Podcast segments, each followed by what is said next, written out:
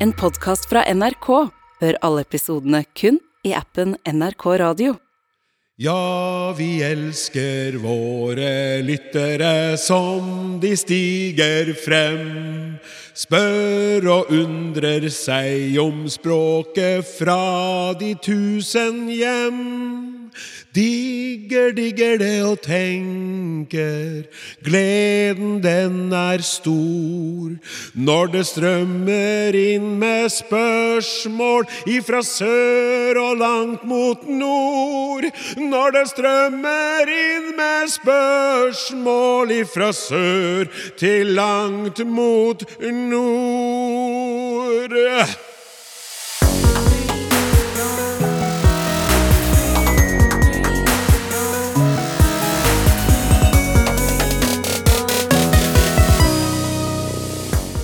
Chille og skille. Snippeske og snippsekk. Brenn opp og brenn ned. Oslomål og inkognito. Det er bare å glede seg. Hurra! Måneden mai er vi så glad i, den er så full av ferie og fri, ja da, eller nei da, hvis du er blant dem som må jobbe. Uansett, hjertelig velkommen til Språksnakk nasjonal hellig himmelfarts røddagsskolefri spesial! Se for deg den kommende timen som et koldtbord på en konfirmasjon, der du i stedet for potetsalat, kyllingklubber, eggerøre, aspik og røykalaks får et herlig utvalg smakebiter fra tidligere språksnakksendinger, pluss ei dessertavdeling bestående av ferske lyttertilbakemeldinger. Skulle du komme på et spørsmål eller to underveis, eller kanskje du vil mene noe om det du hører, skriv til snakk krøllalfa.nrk.no, eller send en SMS til 1987 med kodeord snakk. Håper du vil kose deg. Språksnakk med Klaus Sonstad. Hjelp! Det brenner i alle retninger. Når et hus brenner ned, da brenner det opp. Og er man uheldig, blir branntomten utbrent. Hva styrer disse retningene? Kan alt sies å brenne både opp og ned? Fint om panelet utreder. Ikke brenn inne med teorier, da. Vennlig hilsen Lars Jensen. Ja, eh, ser du sitter nå i, som jeg sa i starten av sendinga, Mikkel, fyr og flamme. Vær så god. Ja, eh, her brenner du på dass, så da får jeg forsøke å komme med noen teorier, og det litt brennkvikt. Det som er rart, eller uvanlig her, det er jo uttrykket 'brenne opp'. Eh, For brenne ned, det er jo greit. Huset har jo en oppreist stilling, og så brenner det ned. Og da er det jo noe som beveger seg, øh, om enn litt møysommelig, i vertikal retning nedover. For selv om flammene gjerne beveger seg oppover, så er jo brenne opp i realiteten at noe brenner til det ikke er noe igjen av det. Det brenner altså bort. Og hvorfor kan vi si brenne opp? Nei, altså opp har jo da altså dusinvis med ulike betydninger. Men denne betydninga som er aktiv i brenne opp, det er at eh, opp markerer på et eller annet vis at eh, det ikke blir noe igjen. Det er ikke noe til overs. På samme måte som å bruke opp. Når du bruker opp pengene dine, så er pengene borte. Eller når du- drikker opp, Eller når du spiser opp maten. Da er maten borte etterpå. Eh, Eller i hvert fall, den er usynlig, den er inni kroppen din. Ut har også en lignende bruk. Når vi sier ånde ut eller dø ut, så er jo også konsekvensen at noe forsvinner. Men med ut så er det kanskje en følelse av at den forandringen skjer litt mer møysommelig enn eh, når vi bruker opp. Å spise opp noe tar ikke nødvendigvis så veldig lang tid. Kan jo si både drikke opp og drikke ut. Mens strikke ut det, det tar kanskje litt lengre tid, eller det handler om å bli liksom helt ferdig, ikke nødvendigvis bare å, å, å tømme det glasset du har foran deg. Pluss at du, du må planlegge det mye mer. Jeg tenker på Ja, da er, Da skal det liksom det lages et ordentlig opplegg, og med masse prosess, folk, og gjerne en- ja, ja, Reise en plass, og så må det være paintball, og så ja. og så finne en dag som passer Hva fra sa du? og- Oppdrikningslag, det er jo slantene etter utdrikningslaget som blir drukket opp helga etter. Det vi har å gjøre med her, det er noe vi kaller semantisk bleiking. Altså Selv om vi har en klar formening om hva opp og ut betyr, eh, altså hva standardbetydninga er Opp det er jo retning eh, fra gulvet mot taket, eh, og ut det er retning fra rommet til ute på gata, så ha- betyr de såpass lite. Eh, altså Betydningen deres er bleiket, sånn at vi kan sette de sammen med ulike verb og få helt nye betydninger som da blir konvensjonalisert. Og det er også en del verb som er altså, semantisk bleika. Eksempel ta. Vi har en formening om hva ta betyr, eh, men det brukes også til veldig mye forskjellig. Eh, Tenk bare på ta av, ta på, ta til, ta ut, ta opp, ta med, ta inn, eh, ta ned, ta bort, ta i, ta imot. Alle disse har jo veldig faste betydninger, og noen har jo ikke så veldig mye med ta å gjøre. Ta til, altså at noe tar til, at det begynner å, å ta seg opp. Her kommer det enda flere. Så her har vi bare konvensjonalisert nye betydninger, og vi har brukt elementer som, som ja, har en annen betydning, men vi bruker de på nye måter. da. Eh, tilsvarende er også med legge på, legge opp, legge ned, legge inn, legge ut, legge til, legge om. En idrettsutøver legger opp, mens en bedrift legger ned. Og hvis det er årer, så legger vi de inn. Og alle de betyr jo mer eller mindre det samme, altså avslutte en aktivitet. Eh, og det samme eh, eksempelet på at eh, to ting kan bety akkurat det samme, selv om man skulle tro at det betyr det motsatte, har vi med skrive opp og skrive ned. Ja, Du må skrive opp telefonnummeret, du må skrive ned telefonnummeret. Begge de betyr omtrent det samme. Så her har vi eh, med semantisk bleiking å gjøre. Det er ikke standardbetydninga opp og ned. Det er ikke retning opp og ned som er aktive her, men vi har konvensjonalisert det til, til, eh, til at eh, det, det dreier seg om å notere noe. da. Mhm. Både skrive opp og skrive ned. Og Her kan vi jo si at det i ulik grad er motivert. da. Vi kan jo forstå skrive ned, fordi papiret er formodentlig under blyanten, kanskje. Så det at blyanten peker jo nedover når du skriver. Så den er kanskje mer motivert, som vi sier, enn det skrivet opp er. Men begge to er fullt ut konvensjonalisert og betyr notere. da. Ja. Kryss i taket, det er skrive opp. Ja, kryss i taket, skrive opp, ja. Men ikke ned hvis eh, huset er brent ned. Kryss i taket, da blir det å Da det å skrive skrive ned. Ja. Ja. Veldig bra. Tusen hjertelig takk.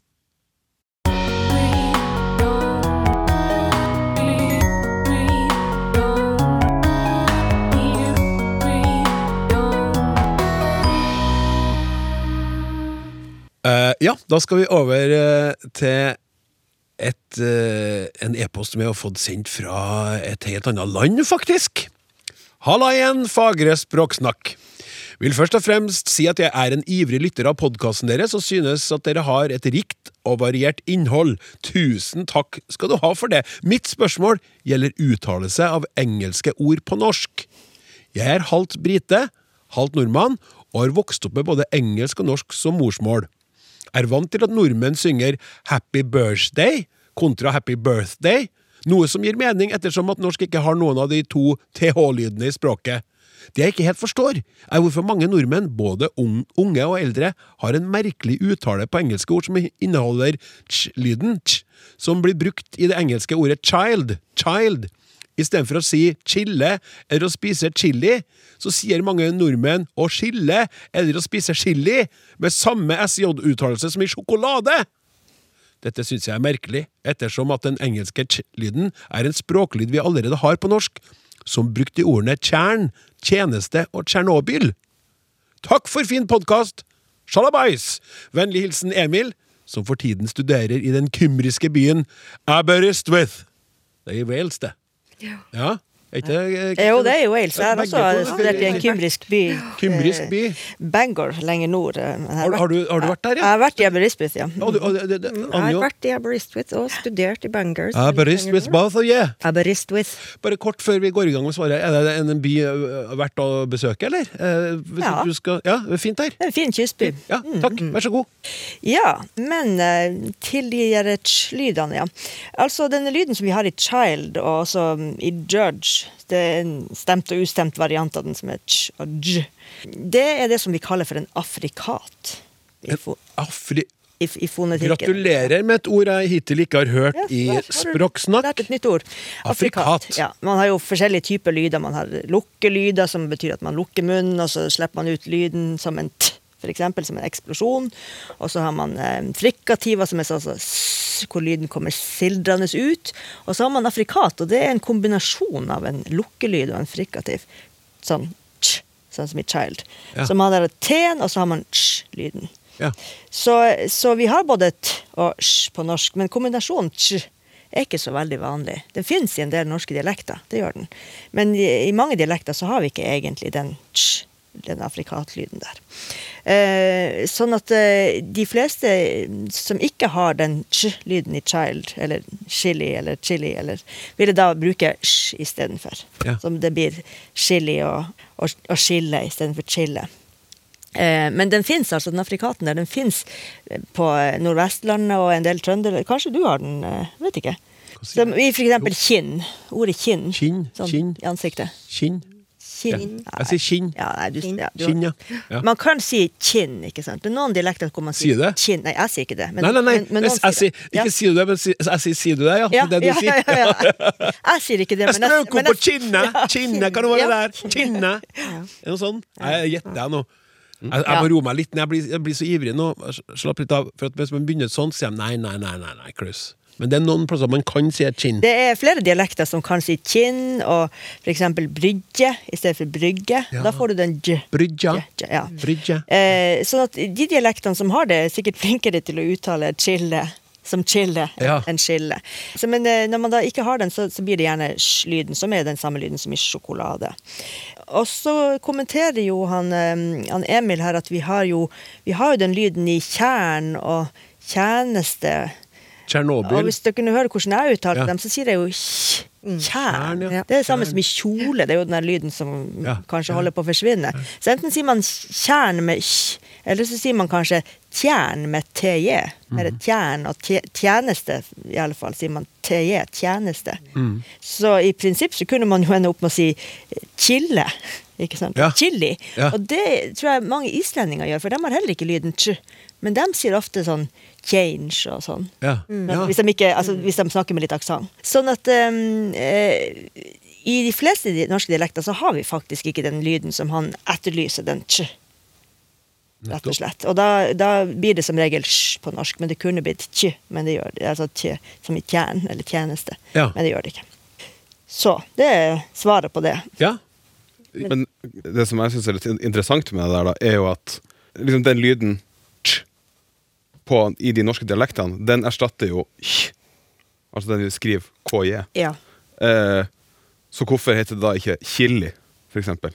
For det, og det her er jo en sånn, den debatten mellom folk om det heter chips eller eh, chips, for eksempel, er jo også samme. Så hvorfor eh, den, det tilsvar, den tilsvarende lyden på norsk kontra altså for ch er jo kj. Så hvorfor er det da sj i stedet? Det er, eh, Ja. ikke sant at sj kunne bli til enten kjolelyden eller Ja, ja. sjokoladelyden. ja. Chips. chips. Men, men nå vet jo de fleste nordmenn eh, at hva den engelske uttalen på de ordene her er, at det er chili. Eh, og de klarer å uttale den lyden, for det har vi lært på skolen. De fleste nordmenn klarer å si tjø, enten de har det i dialekten sin eller ikke. Sånn at eh, Spørsmålet er om det kan være noen liksom sosiolingvistiske forklaringer på at det blir skillig også. da. For ofte, det, det skjer jo ofte det at når vi låner inn ord fra andre språk, at vi gjør dem litt til norsk. Vi gjør dem litt til vår egen for å skape få dem til å passe inn vår norske identitet. Ja, Pluss at kan det være det som jeg har lært litt om i, etter å ha vært i nærkontakt med sånne som dere over lengre tid, at det, at det kan være enklere å si chili enn å si chili. At det er litt mindre arbeid. Den er litt mer sånn chili. Men så sier jeg, jeg, jeg trenger ikke anstrenge meg nesten i hele tatt. Hey, chill bro. Chill bro. Da må jeg liksom, må liksom jobbe litt mer. skjønner du? Det er jo lettere for oss fordi vi har den lyden i morsmålet vårt fra før. Ja, Altså Hvis vi hadde hatt lyden i den, Ja, ja, det- så hadde det jo vært like lett for oss å si den. Eh, men jeg tror også det handler om i hvor stor grad vi oppfatter det ordet som et ord som er blitt inkorporert i det norske ordforrådet. Og i hvor stor grad vi opplever at vi bruker et, et fremmedord eller et ord som er lånt inn fra engelsk. Så kanskje f.eks. chili. Det har vi hatt lengre som ord i norsk språk, sånn at den blir kanskje mer uttalt med en norsk lyd. Chili. Ja. Mens ordet å chille er et nyere ord som vi kanskje opplever som mer, er fortsatt et innlånt ord. Ja. Og da bruker vi den engelske uttalen. Jeg tror at jeg sier chili med sj- sjokoladelyden, og så sier jeg chille med den engelske lyden. Fordi at det for meg er et nyere ord, og mer et, fortsatt et engelsk ord som jeg bare låner inn. Ja. Mens chili er blitt norsk for meg. Uansett veldig interessant. Uh, håper du fortsetter å kose deg i Aberystwyth, uh, Emil, og at du ble sånn, i hvert fall passe fornøyd med her svaret.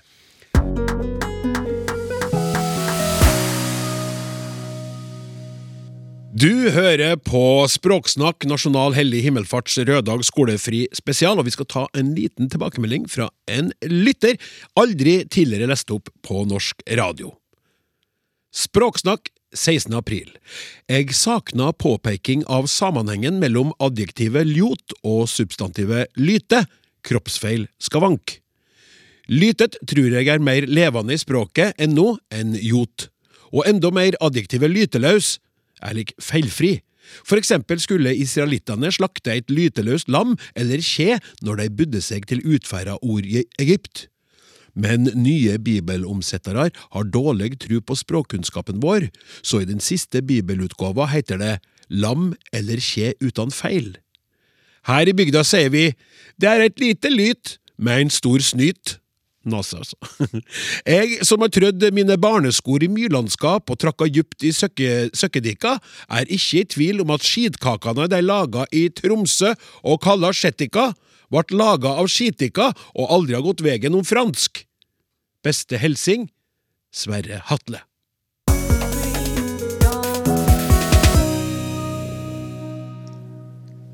Hei! Jeg spisser alltid ører når rare ord dukker opp, enten det nå er i samtaler man hører, eller i artikler en leser. Ordet snippsekk sto i en kronikk i DN om fritaksmodellen, eh, skrevet av Anne Rokkan. I siste avsnitt skriver hun en plausibel forklaring på at så mange milliardærer har pakket snippsekken i hele år, prikk, prikk, prikk. Her blandes ganske morsomt to ord som neppe passer godt sammen. En person som kunne tenkes å eie og bruke en snippeske, er ikke akkurat den typen jeg tror har en svippsekk hengende i entreen, men rockene vet kanskje ikke hva en løssnipp er for noe? Angående svippturer med dertil hørende svippsekker, å svippe noen brukes i forbindelse med å gi en kjapp lift eller et eller annet sted, eller som i Vil du svippe innom Kari på vei til møte? Vennlig hilsen en forkjølt Anne, står det. Denne e-posten kom for litt siden, så jeg lurer på om hun kanskje har blitt eh, frisk eh, til nå. Vi håper det. Ja, og som tilhører den generasjonen som ble rettet på, da vi sa skirke eller skjøttkaker, skriver jeg i tillegg, da, bare for å ha med det. Ja, Ellen? Pakker du snippesken eller svippsekken, eller hva gjør du? Eller kanskje jeg bare pakker snippen. Ja. Altså, nå skal dere høre. Ja. Først takk altså til den forkjølte innsenderen for et tema som var mer sammensatt og dermed enda morsommere enn jeg først trodde. For her er det flere ord og gjenstander i spill.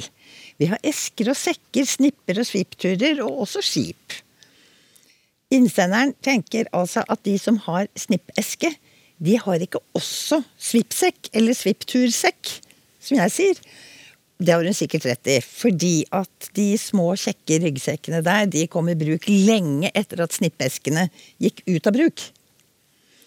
Men altså, vi må grave litt, og jeg advarer, det blir litt langt, men jeg har tatt bort nesten alle de morsomme eksemplene. du, må få si, denne det der, det der jeg tenker jeg at må, må begeistre en gjeng studenter som du står foran, og så sier du jeg må advare dere, det blir litt langt, men jeg har tatt bort nesten alle de morsomme eksemplene. Da kjører vi i gang. Altså selvdisiplin. Ja, selvdisiplin. Men da, vi starter med snipp. Hva er nå egentlig en snipp? En snipp er hjørnet eller den spisse enden av et tøystykke. Og i denne sammenhengen så dreier det seg særlig om den slags snipp som er en slags krage på en skjorte. Og brettet på bestemte måter. Nå er de jo sydd fast i skjorta. Jeg ser på dere gutter, dere har fastsydde snipper. Riktig. Og Det norske akademiets ordbok skriver at uttrykket 'å pakke snippsekken' er omdannet fra 'å pakke snippesken'. Ja. Ja. Det er jo den konstruksjonen som vår forkjølte innsender har hatt sånn moro av at hun ville dele den med oss. Og den er faktisk ikke så uvanlig som hun kanskje tror. Blant annet så bruker Vigdis Hjorten i en bok fra 2011 når dagen for soning kommer, pakker hun snippsekken og spaserer fra sin kommunale leilighet til fengselet i Sandefjord. Oi sånn. Og da må vi se litt på denne snippesken. Hva er det for noe? Det å pakke snippesken, det er et spøkefullt uttrykk som betyr å pakke sammen og dra sin vei. Sant? Og de fleste mennesker som lever nå, de har jo aldri sett noen snippeske. Altså, det er en eske til å oppbevare løse skjortesnipper i. Og da er utgangspunktet at skjorter hadde rund linning øverst. Ja. Ja. Og til dem kunne man feste løssnipper. Altså en slags krage, da. De var oftest hvite og stivet, og gjerne brettet ned på forskjellige måter. Men ikke alltid. De som sto nesten helt rett opp og var veldig høye, de ble jo kalt for fadermordere. For de var også stive og sikkert ekstremt ubehagelige å ha på. Men altså, den kragetypen der, den oppsto på 1800-tallet. Som tilbehør til fine herreantrekk, som dress og smoking og kjole og hvitt. Og noen uniformer. Ellen, var det sånn, da bare kjapt spørsmål om det, for det her syns jeg er jo interessant, at de snippene kunne tas av og, og stelles og byttes ut, og kanskje også forandre på skjortens karakter? Dette vet jeg egentlig ikke. Nei, for jeg har hørt rykter om Ja. at sånne litt begunstigede menn, eh, kanskje til og med noen av dem som eh, har flytta til Sveits, sender snippene sine til Ja. utlandet for eh, reparasjon? Eller, Eh, Ja, jeg tror jeg vet hvem du sikter til der. Men det var jo Men jeg vil også ikke nevne navn. Men det var senere, da vi fikk fastsydde snipper. Fordi at gode husmødre de kunne snu snippen på skjorta når den ble for slitt. Det var sånt som man lærte på husmorskolen, tror jeg. Takk. Men altså, man kunne feste løssnipper på denne skjorta. Og da Det var jo ikke akkurat arbeiderklassen. Det var ikke bønder eller fiskere som brukte snipp på skjortene sine. I hvert fall ikke til daglig. Hvis arbeidere hadde skjortesnipper, så var det til finbruk. Men borgerskapets og overklassens herrer, de gikk i dress. Og da var løssnippen et helt nødvendig tilbehør. Og til å oppbevare sine snipper hadde man selvfølgelig da en snippeske. Men så, noen tiår ut på 1900-tallet, da ble løse, stive skjortesnipper nesten helt borte. De gikk ut av bruk. De ble erstattet av skjorter med fastsydd krage, sånn som dere har på dere nå. Og det var både mer lettvint og mer behagelig. Men da må man også vaske hele skjorta når snippen var blitt skitten. Eller man må la den vaske. Få noen til å vaske den for seg. Nå må vi nøste litt tilbake igjen. For altså, ifølge ordboka så er altså å pakke snippsekken en omdanning av å pakke snippesken. Og kanskje, som lytteren foreslår, hjulpet på vei av at vi har ordet svippsekk, og vi har også konstruksjonen skipssekk. Men vet dere hva? Det er ikke helt sikkert det er sånn. Det er ikke det. Det fins nemlig også et uttrykk som heter å pakke snippen. Og da snakker vi ikke om skjortesnippen. Dette er det kanskje landstrykeren gjør før han legger ut på veien. Landstrykere Landstryker hadde neppe skjortesnipper, men snipper hadde de nok, og da må jeg minne om at ikke alle snipper er skjortesnipper. Jeg sa at en snipp er den spisse enden av et tøystykke. Og av et tøystykke kunne landstrykeren da lage seg en snippsekk. Det som kanskje er mest kjent som knytte. Et Som var på knytte. sånn stang. Gjerne. Nettopp! Du ser det for deg, ikke sant? Ja, visst gjør jeg Fra det. tegneserier. Ja, og i, i, i den, der, den der svenske Rasmus på loffen. Ja, Nettopp. Rasmus på loffen! Altså, t- En snippsekk er altså et sånn bylt som man lager ved å ta et tørkle og så knytte sammen hjørnene. Altså snippene. Et av veldig mange eksempel på denne bruken i Rjukan Arbeiderblad i 2002, eh, hvor deres utsendte restaurantreporter skriver at med snippsekken over skuldra kom Rasmus til fots som loffere flest. Og da tipper jo jeg at journalisten vet veldig godt hva han gjør når han bruker ordet snippsekk. Det uttrykket med å pakke snippen, det kjente ikke jeg fra før, men jeg kjenner det nå. For på min ferd i Nasjonalbiblioteket da, for lytterne, så fant jeg massevis av eksempler. Hundrevis av eksempler. Særlig i lokalaviser fra forskjellige kanter av landet. Der hvor loffere og landstrykere har vært, sant? De skriver om å pakke snippen og gjøre klart til avreise. Og enda morsommere, syns jeg. Det brukes også i overført betydning. Som f.eks. når en hel avdeling i et helseforetak nok en gang må pakke snippen og relokalisere. Ja. Ja. Mot sin vilje. Ja. Så har vi en ting. Etter fem år som kioskdriver om bord på utallige ferger, har May-Britt Eidnes pakka snippsekken og gått i land. Sto det i avisa Hardanger i 1990. Og siden det dreide seg om noen som har gått i land, så skulle man jo ha trodd at det var mer nærliggende å pakke skipssekken. Mhm. Ikke sant? For skipssekken har jo tross alt betydd ganske mye mer for ganske mange flere norske mennesker enn snippesken. Men det står altså snippsekken. For å oppsummere nå, da. Helt konkret gjenstander så har vi skipssekker, svippsekker, eventuelt svipptursekker, og faktisk har vi også hatt snippsekker. Og snippsekker og snippesker, og også skipssekker, er knyttet til forskjellige samfunnsklasser og ulike levemåter. Og ikke alle har kommet inn i ordboka. Selv om snippsekker kanskje er like sjeldne nå som snippesker, så lever de altså videre i språket vårt. Der pakker folk både snippesker og snippsekker, eller bare snipper. Akkurat hva de da har i tankene, eller hva de liksom ser for seg, det vet vi jo ikke. Men jeg tror dette er en sak for Det norske akademiets ordbok. En ørliten revisjon. Ah, Ellen, jeg er sjef for det her programmet, og du får bestått på den muntlige oppgaven. Det var veldig bra. Du får bestått pluss, pluss, pluss. Takk skal du ha. Det var lænt. Det var, det var lænt, ja. Det var det. Til tross for at du har tatt bort alle morsomme eksemplene, så var det lænt. Ja, det var det. Ja.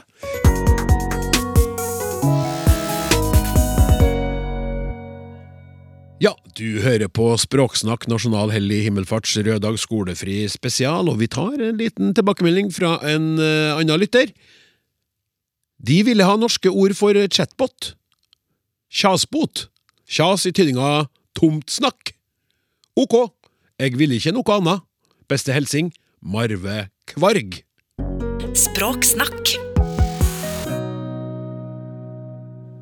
Ja, altså, det er, jo, det er jo sånn at en del lyttere skriver hyggelige ting i starten av, eh, av e-postene eh, til oss, og så er det andre som vil tulle med det. da. Sånn som her så er det en som, som skriver Hei!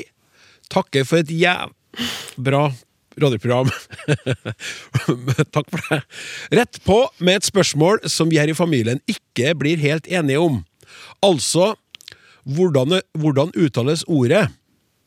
Og, og jeg, ja. Inkognito. Inkog, inkognito riktig. Med trykk på K eller ikke. Tusen takk for et eventuelt svar. Thomas. Helene. Ja. Inkognito. Inkognito. Ja, da må jeg jo Nå er det jo uttale igjen, da. Da må jeg jo pliktskyldigst eh, starte med å si dette her, da, at vi ikke har noe uttalenormering, men at det finnes jo en konvensjon for hvordan eh, ord uttales. eh, og det kan jo være smart når det er fremmedord. Og Eh, og Cog. det er sånn det uttales. Og det var jo det du gjorde, Klaus, altså med trykk på den andre stavelsen kog. Eh, og så kan jeg jo surre litt rundt og si noe om betydning og opprinnelse også. Det betyr jo at man hemmeligholder ens virkelige navn og identitet. Altså prinsessen reiste inkognito, eller var inkognito i Nå Trondheim. sier du inkognito med feil trykk. sa jeg det feil igjen, ja. Ikke sant? Det var det jeg tenkte. Kjempefint. Ja, jeg visste at det kom til å skje. Men jeg sa det riktig først, ikke sant? Ja, ja, ja, ja. Inkognito, det svarte jeg riktig på. Inkognito. Ja. Og så fortsatte Ja, det er helt fantastisk. Altså, god demonstrasjon av eh, at dette er litt forvirrende, og her er det to etablerte eh, uttaler. Eh, jeg hadde tenkt å si at Naob siterer Wergeland, som skrev at Satan er sikkert best tjent med at være inkognito. Eh, og ordet har latinsk opprinnelse, men det kommer fra italiensk, og det betyr altså ukjent.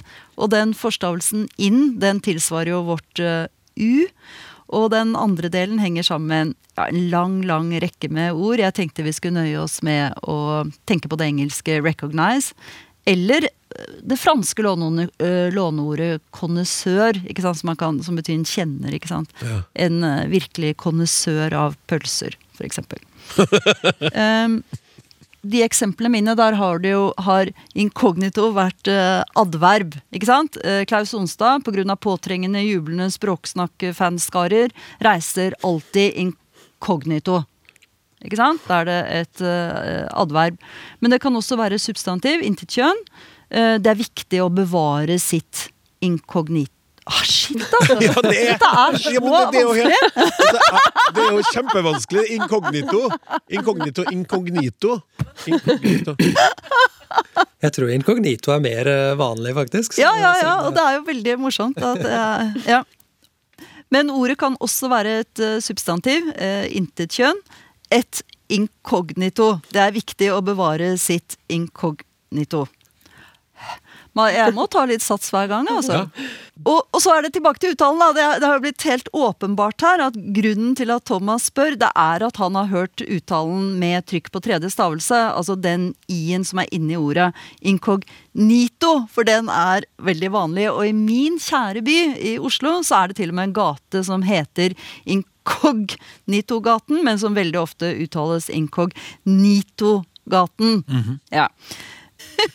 Men selv om da uttalen av inkognito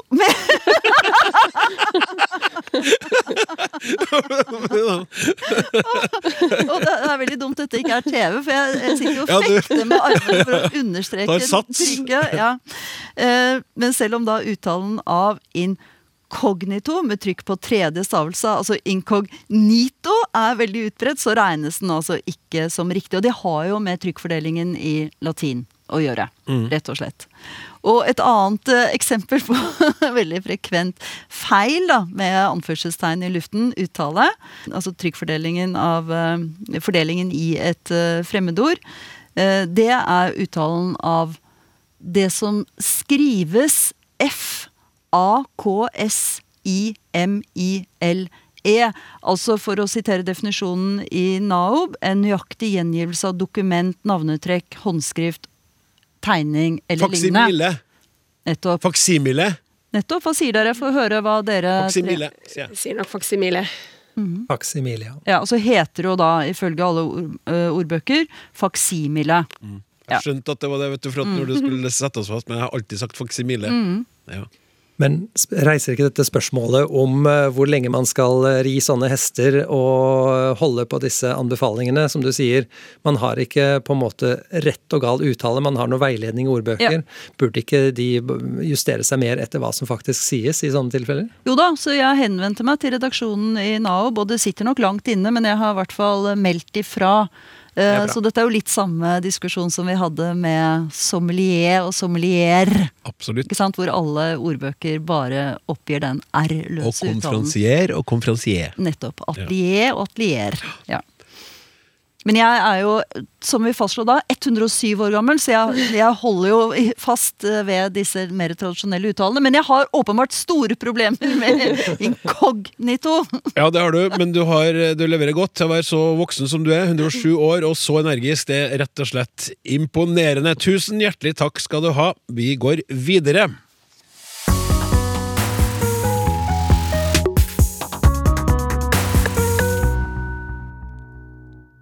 I Språksnakk eh, Nasjonal hellig himmelfarts røddag skolefri spesial, så er det stort sett eh, eh, godbiter fra arkivet vi byr på, men her nå så skal jeg prøve meg på et lite, og svare på et lite spørsmål som kom inn på SMS. Hei! Heter det projektor eller prosjektor? Man projiserer jo bilder. Dette er en diskusjon jeg har hatt mange ganger med mine venner som alle sier prosjektor. Med vennlig hilsen Thomas. Sendt inn på SMS altså til 1987 med kodeord 'snakk'. Vennene dine har eh, rett, Thomas. Men det har også du!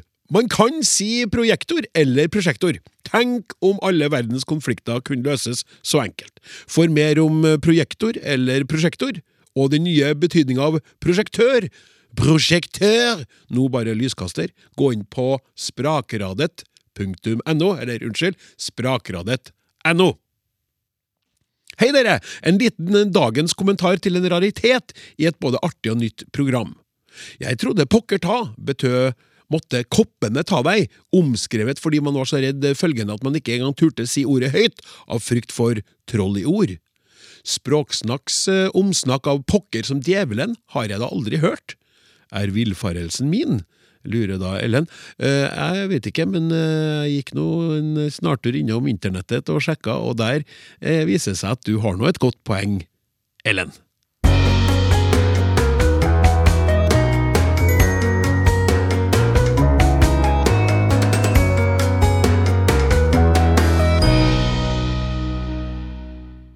Hei! Folk utenfra Oslo påstår ofte at vi ikke har et eget Oslo-mål. Jeg er vokst opp i områder i Oslo hvor man for eksempel kunne si Har du ikke funnet skjerfet ditt, eller? Altså Unnskyld, Tore, men jeg prøves. Har du ikke funnet skjerfet ditt, eller hva? står det i klam- klammer, da. Det er ikke så innmari mange som har sittet inn! Det er ikke så veldig mange som har sittet i den. Var dette bare rester fra innflyttere, eller kan man påstå at det finnes skråstrek fantes et Oslo-mål? Jeg mener at oslofolk har en særegen måte å trekke sammen ord på, samt, samt at i visse deler av byen er det rester av datidsbøyinger av verb. Nysgjerrig på svar. Med vennlig hilsen Henrik Berger. Uh, ja, det her syns jeg er et interessant spørsmål, Toril. Uh, Rette det mot deg. Ja. Ja. Og jeg vil jo svare at vi har jo ikke bare én, men kanskje til og med to varieteter i Oslo. Og det er helt ukontroversielt, vil jeg hevde, å kalle i hvert fall den ene av dem for Oslo-mål. Henrik, check! Og den aller første store undersøkelsen av språk i Oslo, eh, som foregikk på 1970-tallet, Taus-undersøkelsen, den handla ikke om tauser, men den sto for altså da talemålsundersøkelsen i Oslo. En av utgivelsen derfra den heter faktisk nettopp 'Vanlig Oslo-mål vel'. Eh, og så syns jeg det er veldig artig at eh, Henrik Berger her han skriver er dette her bare rester av innflyttere? Og Det er interessant, for at et klassisk kjennetegn ved bymål i det hele tatt, det er nettopp at her skjer det språkmøter. Og det er møter mellom folk, og mellom institusjoner, mellom talespråk, mellom skriftspråk og mellom ulike typer tale og skrift. Og den Oslo-målvarieteten som Henrik skriver om, og som du prøvde å uttrykke her, den, den er det jo flere som har prøvd seg på, eh, også i nyere tid. Og jeg syns det er artig at vi kan snakke om geografi eh, når vi snakker om Oslo. Vi kan snakke om øst og vest. Men når man beskriver geografi og forskjeller innad i Oslo, så holder det ikke med kart og kompass. Det er ikke kun geografi det handler om. Det handler om de menneskene som tradisjonelt har bodd der, og de fellesskapene som de utgjør.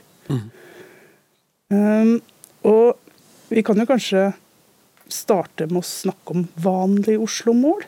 Ja, Kan ikke vi gjøre det, da? Ja. Og Det er jo en term som tradisjonelt er brukt om dialektene på stedet. Og Der vil jeg skyte inn med en gang at dialekter det har en verdi. Det er vi veldig veldig glad i.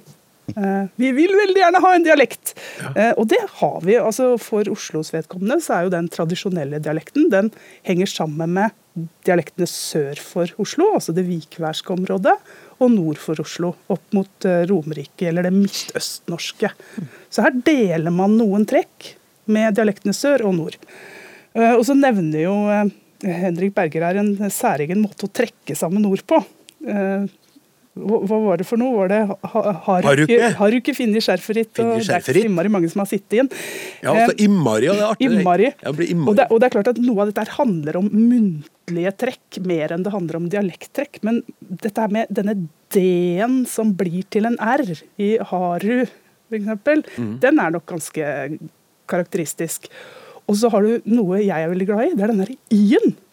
Finni og sitti. Den legger vi merke til. Og den, den skiller seg nok ut fra en del av eh, dialektene omkring. Toril, Ja. du sa jo at det er noen som har prøvd seg på Ja. moderne tid òg. Skal vi ta så slippe det bare litt før du fortsetter, så vi får, så vi får litt mer lyd på det? En som har prøvd, det er jo Oslo-losen. La oss høre på La, la oss høre litt på Oslo-losen her. Skal du forstå dagens Oslo, så må du forstå gårsdagens Oslo. Du er hjelpeløs i denne byen hvis du ikke skjønner hvordan Oslo var før i tida. Det var jo Harald Eia sin Oslo-dos. Mm -hmm. En ganske markant karakter.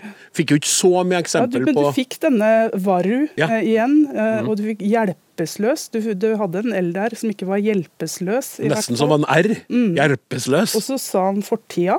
Mhm. -hmm. Så ti som eh, et uh, hunnkjønnsord. Altså et sånt tregenussystem hvor du både har hannkjønn, okjønn og intetkjønn. Er jo typisk for eh, klassisk Oslo-dialekt. Og det gjenspeiles også i pronomenbruk. Man kan høre om både hu og a, også hender. Eh, og påpekende Eller litt sånne preproprielle artikler kan vi også høre. Preproprielle artikler, prøv å si det. Preproprielle artikler. Utmerket. Der har vi f.eks. av Toril Lund Klaus, som vil være eksempel på det. Og så har vi noen egne spørreord, som jeg tror Øystein vil være glad i å høre litt om. Så vi kan jo spørre både offer og åssen, og kanskje også å. Mm.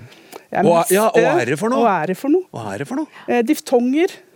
Eh, nå skrøt jeg av deg, f.eks. Jeg skrøt ikke.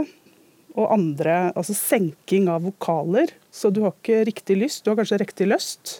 ja. Eh, Det er så så, bra, vet du. så her er det veldig veldig mange trekk. Men så er det helt sikkert noen som sitter og kanskje ikke rister og hører på, men, men noen tenker at dette høres jo litt gammelmodig ut. Og det høres ikke helt ut som det Oslo-språket jeg har hørt.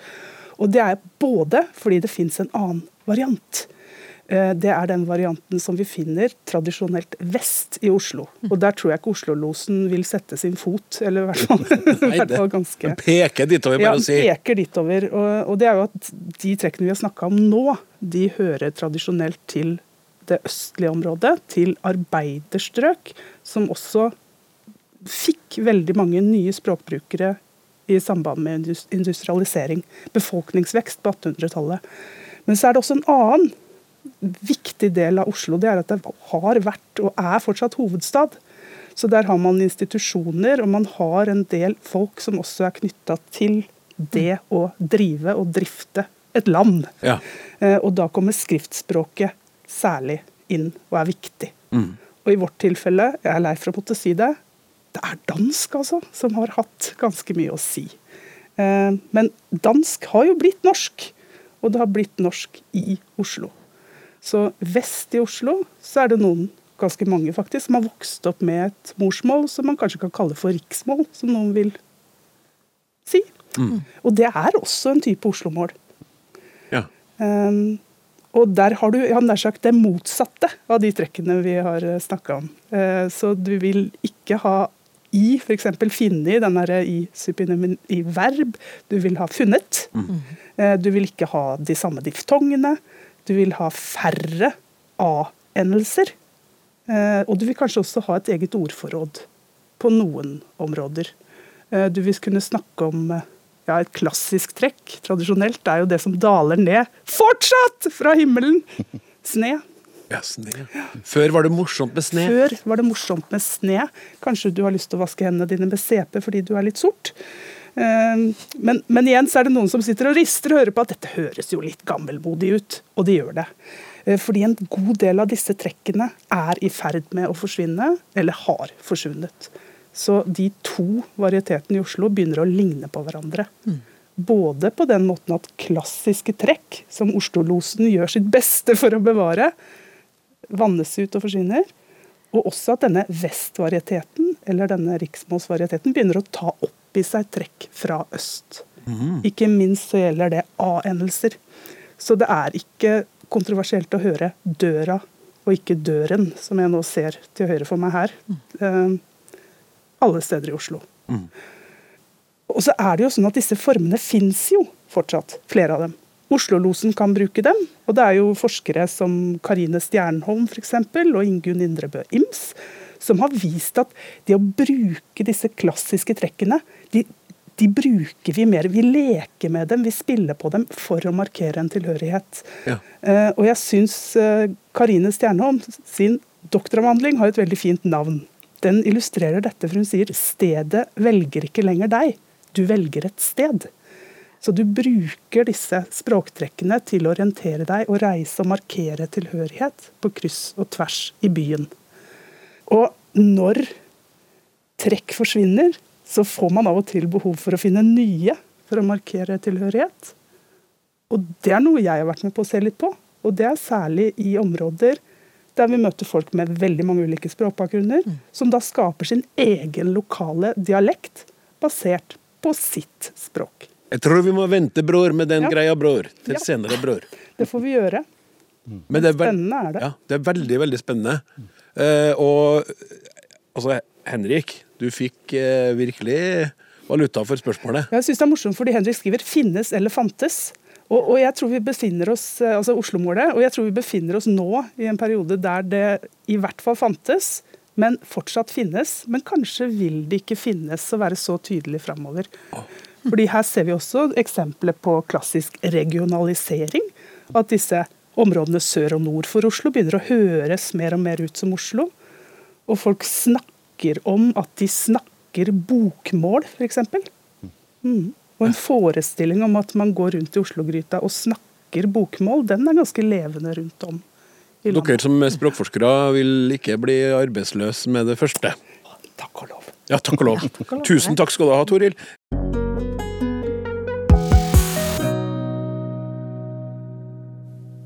Ja, du hører på Språksnakk, og nå skal vi over til et eh, spørsmål som eh, du skal få starte og svare på, Kristin. Hei, og takk for et alltid morsomt program.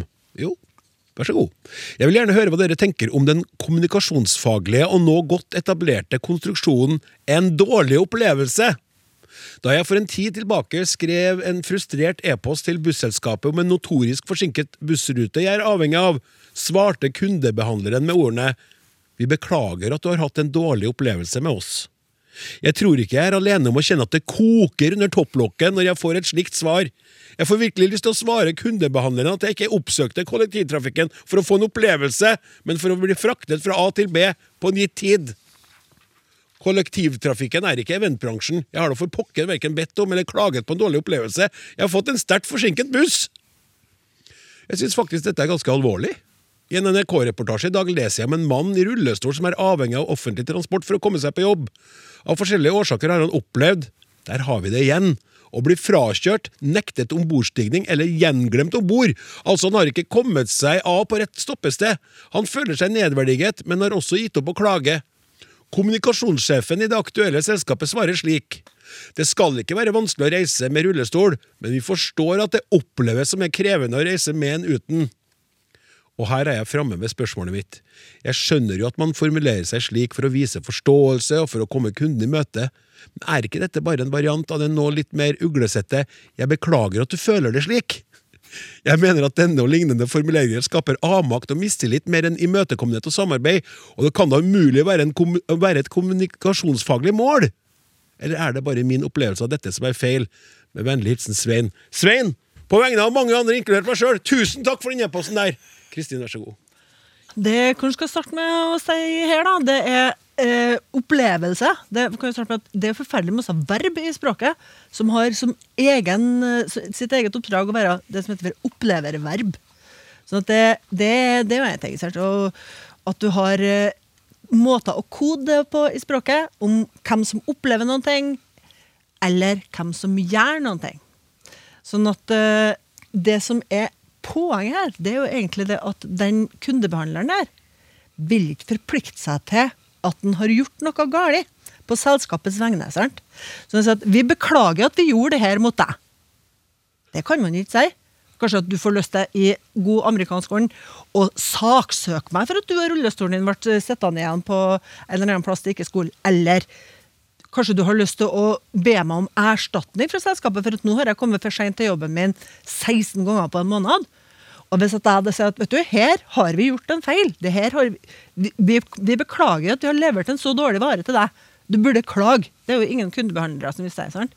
Jobben til en kundebehandler det er å sitte der og være en buffer mellom kunden og selskapet, slik at selskapet ikke blir, kommer i noe sånn ansvarlighetsforhold overfor den kunden. Så vi skal liksom jatte, jatte, jatte, snakke litt pent med.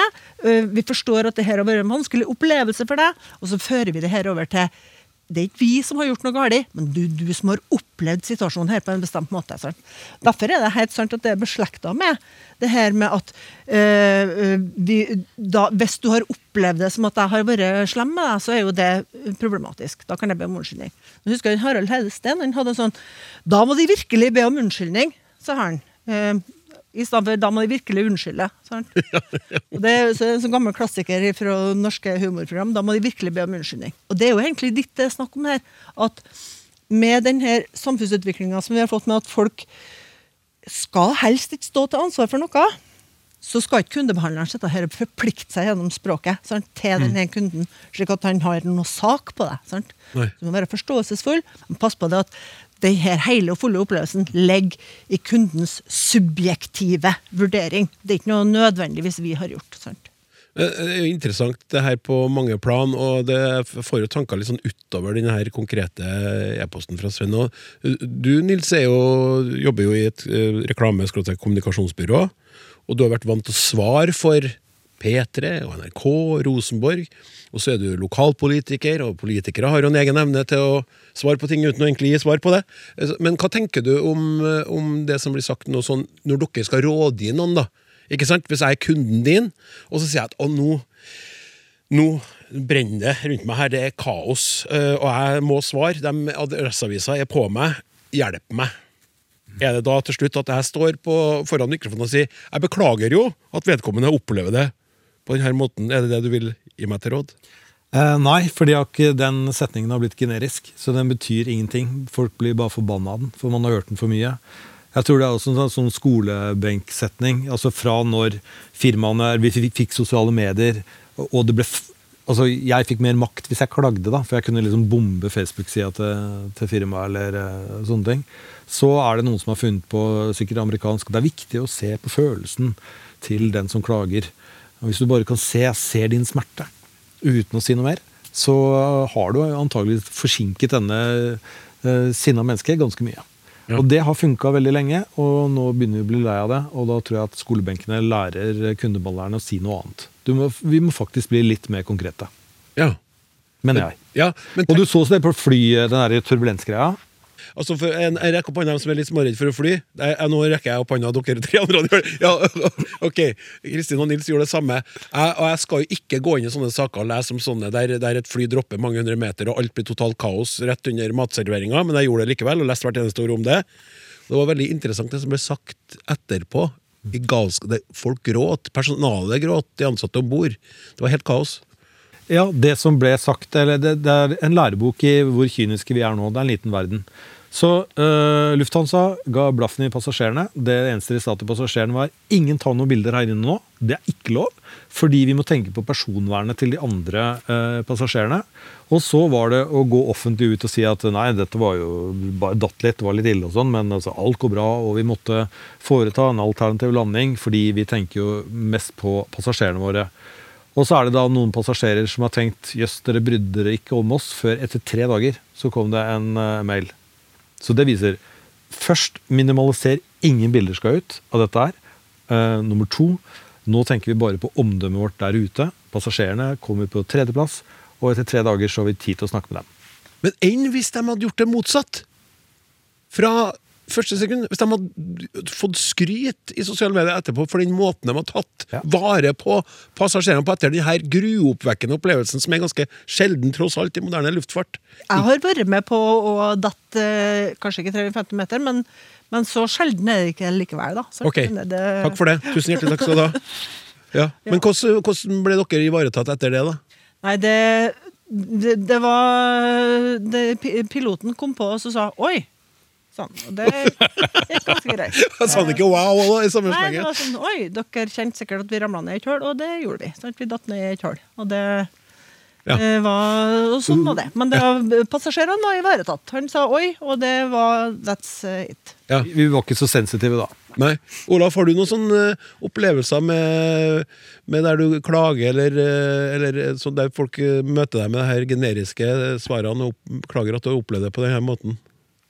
Nei, men jeg, jeg tror kanskje at det blir altså, det, det er jo en del av, av språket, så jeg reagerer ikke på det lenger. At på en måte formen det har, og jeg er heller på jakt etter, etter innholdet. Og, Ja. Jeg må jo bare si det når det gjelder det. Jeg rekte jo ikke opp hånda og var redd for å fly, men jeg har langt bak i en utdannelse innenfor lufttrafikktjenesten, og jeg jobber litt som flygeleder, så jeg stoler fullt og helt på både de på bakken og de i cockpit. Så du stadig vekk nye og spennende Altså Ikke bare er du sommelier, ferdigutdanna sånn, men du har vært flygeleder. Flygelederassistent. Okay, ja, for det var så liten flyplass. Ja, ok.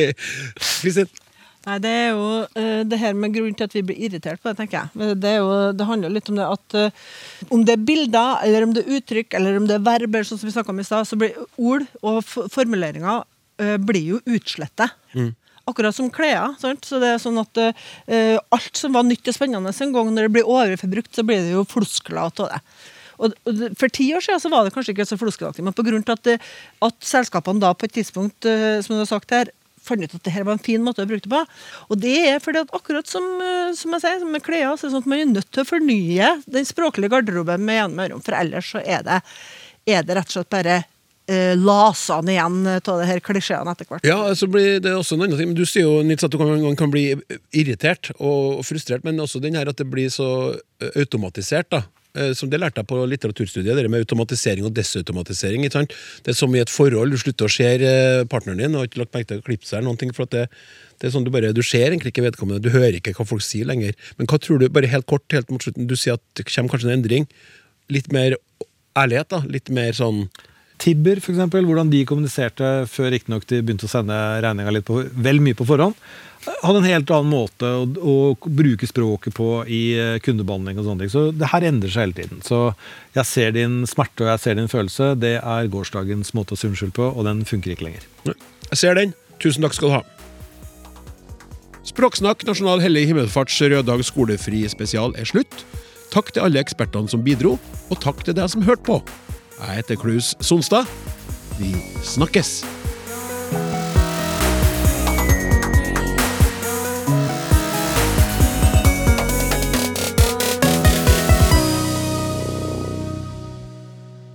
Du har hørt en podkast fra NRK. Hør alle episodene kun i appen NRK Radio.